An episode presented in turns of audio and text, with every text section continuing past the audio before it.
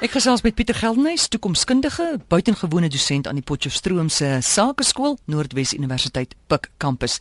Pieter, jy sê ons praat vandag oor die wêrelddatabase van materie en oom Hannes Barnard se poenskoppe. Maar voordat ons daarby kom, sterre, planete en materie in die algemeen kan via liggolwe ontleed word. Kan jy dit vir ons verduidelik? Vir jare al, maar is dit is dit moontlik om te bepaal waaruit 'n ster gemaak is?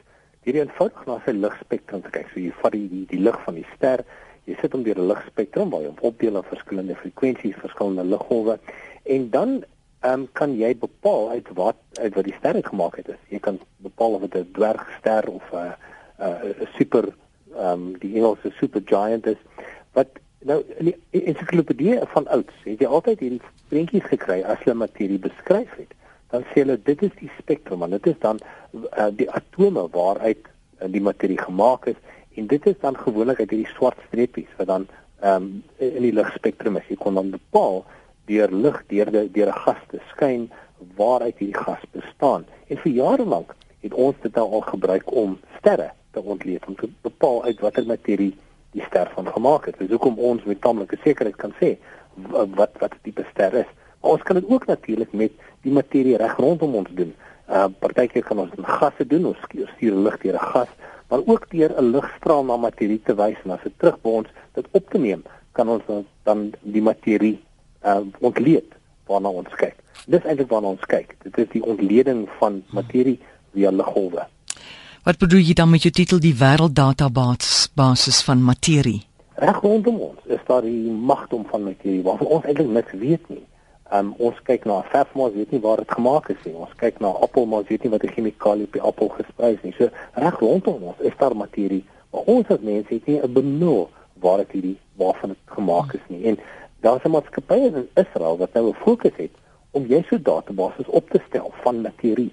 En hulle wil kyk hoe kan ons almal wat 'n selfoon rondom ons wat 'n selfoon het, kan bydra tot hierdie databases van materie. Dis hulle hoof fokus.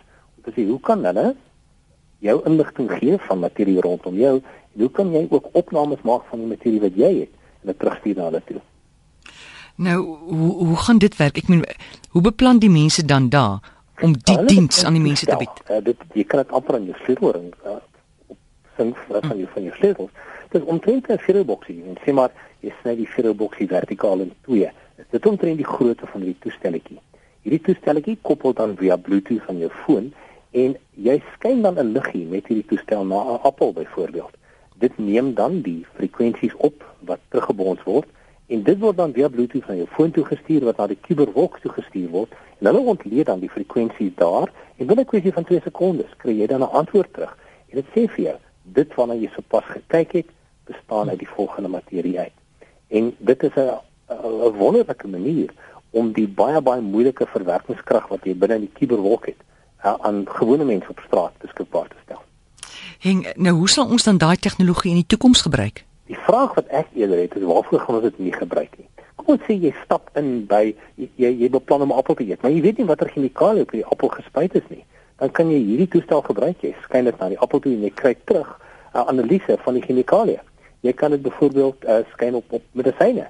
Jy kry 'n pilletjie en jy weet nie wat die pil is nie en deur dan die liggie op te skyn en, en te ontleed, kan jy bepaal watter tipe medisyne is waarna jy kan kyk. So alles rondom jou. Ek ek lees van al die nuwe dieete uh, en ek neem aan jy het ook seker daaroor gepraat, maar jy weet nie of die proteïen wat jy voor jou het nou grasgevoerde of uh graangevoerde proteïene is nie. En via hierdie klein toestel sal jy dit wel kan agterkom. Uh 'n jaar terug het hulle gepraat oor al die visprodukte wat hulle verkoop en dan kry mense die verkeerde vis. En met hierdie toestel sal jy kan bepaal watter tipe vis dit is so ongelooflike nuwe ontwikkeling in die tegnologie omgewing wat ons in staat gaan stel om baie meer inligting van die wêreld rondom ons te kan versamel. Kan ek ook aan vasstel of daai vis lood in het of nie? Jy sal kan. Definitief. Ja, en hoe kan supermarkte die tegnologie gebruik? Ek dink as as as jy hierdie tegnologie vir supermarkte sou gee, Ek dink ek sal dit heel eers bekendstel by hulle avokado peer seksie want daar hoef jy nie meer aan avokado te druk nie. Jy mm. kan eenvoudig net hulle gee om scan en sê vir hierdie avokado gaan reg wees oor vir 3 dae of 5 wow. dae of 8 dae omdat uh, jy dit daardie kan bepaal. Maar ook in terme van die chemikalieë. As iemand um, dis dis regtig van onmoontlik om 'n chemiese toets te doen op al die produkte. En hulle uh, neem natuurlik hulle verskaffers daarvoor kwaadlik indien daar iets fout gaan. Maar in hierdie wêreld waarin ons lewe is dit baie belangrik want daar daar's gedeelde belang, jy weet, verantwoordelikheid. En daarom sal 'n supermark kan gebruik om kwaliteitstoetse byvoorbeeld te doen op die produkte wat hulle inkry. So 'n geweldige waarde wat ons kan ontsluit met hierdie tegnologie. En voedselprodusente? Nou, in in die ou, jy weet, ek het groot geword op 'n plaas daar buite Potchefstroom. Dit was altyd 'n probleem om te bepaal wat die voginhoud van jou mielies is want dan weet jy wanneer jy kan uh dit, dit invat na 'n silo toe of nie. So nou kan jy met hierdie klein apparaatjie hier na 'n mielie kyk en onmiddellik die antwoord kry of die voginhoud reg is vir jou om te oes of dit byvoorbeeld in terrein na 'n silo toe. Maar ander dinge ook. Jy sal byvoorbeeld siektes op jou lewende hawe kan identifiseer deur na die chemiese analise daarvan te kyk. Dit dit beteken dat jy 'n spektrum analiseerder in jou hand en jy kan dit vergelyk met enigiets rondom jou en deur na iets te kyk kan jy dan, dan bydra tot die wêrelddatabase van materie en dit natuurlik oor terugkry. So dink net aan die moontlikhede, dit is iets ongelooflik. Die die skatting is dat hierdie tegnologie teen so Junie volgende jaar te koop gaan wees. Dit is tamelik bietjie duur. Jy gaan so 2.500 rand vir hierdie spektrum analiseertjie betaal, maar ek dink die waarde wat jy kan ontsluit is regtig ongelooflik. Wat is die storie van oom Hannes Barnard se poenskoppe? Dit is 'n interessante storie. Ek uh, het 'n hele paar praatjies gegee oor hoe jy tegnologie in die landbou kan gebruik. En toe uh, hardloop ek aan Johan Grobler van Senwes en hy vertel my toe dat hy uh, oom oom Hannes uh, hy is daar iewers in die Vrystaat boerdery met poenskoppe. En hy vertel my toe die storie van hierdie twee Engelse knape uit die uit die Kaap uit almal getatoeëer van ore tot toon wat toe met uh, een van die afstandbeheerde helikopters daar aankom. En hoe hierdie helikopter werk is dat jy eintlik twee mense nodig om te vlieg. Altyd van hulle sit hierdie helm, jy weet hierdie hier brille aan wat dan ehm um, jy toelaat om te kyk waar hierdie helikopter is. Die een vlieg die helikopter en die ander beheer al die kameras op die helikopter. En hulle wys toe vir oomane hoe dit nou maklik is om oor 'n hele plaas te vlieg en dadelik 'n idee te kry van wat aangaan. So vir sekuriteit is dit lekker want jy hoef nie self uit te gaan nie. Jy stuur net jou helikoptertjie op en dan vlieg hy. Maar ook om te sien waar dinge is, jy kan grondtoetse doen en jy kan kyk waar jou lewende hawe is. En terwyl hulle so oor sy plaas vlieg, toe uh, vlieg hulle oor hierdie kudde van poenskopbeeste van hom. En hierdie beeste doen dink toe dis 'n swerm bye. En hier begin hierdie poenskop heeltemal afsit pad se kant toe. En uh, dit is altyd baie gevaarlik want baie keer hardloop hulle oor drade en binne in die verkeering. En um, dit is een van die probleme hier begin hierdie hele kudde poenskoppe hardloop en hier moes hulle inderdaad hierdie helikopter toe voor weet vorentoe laat vlieg. En gelukkig skrik die poenskoppe toe en dink is 'n klomp bye wat van 'n ander rigting afkom en hy uh, hardloop toe in 'n hele ander rigting. Maar vir my was dit die heel eerste storie wat ek gehoor het van waar jy 'n klein afstand beheer helikoptertjie kon gebruik om jou uh, kudde rond te jaag. So dit is hmm. baie interessant om te sien hoe tegnologie ook in die boerdery gebruik word. Maar uh, dit was nou een van die interessante stories van waar jy jou hele kudde kan aanjag terwyl jy op jou stoep sit.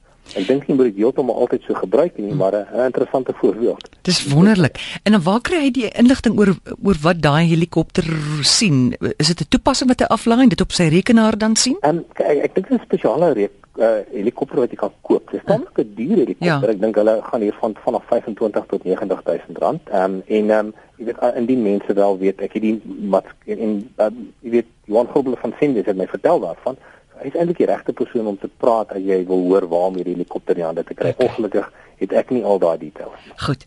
Nou, ek verstaan jy gaan een van die daardie pad vat met openbare optredes.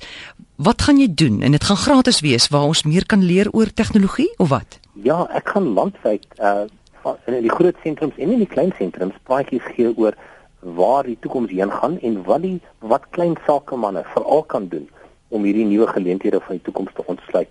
En dis 'n dis 'n gratis ontbyt of gratis ete. Ehm um, en ehm um, en indien enige persoon wat aan 'n klein sakekamer of of aan 'n klein sake besigheid gekoppel is, kan my rus kan my gerus kontak via my webwerf pietergeldnys.com en dan kan ek hulle uitnodiging stuur.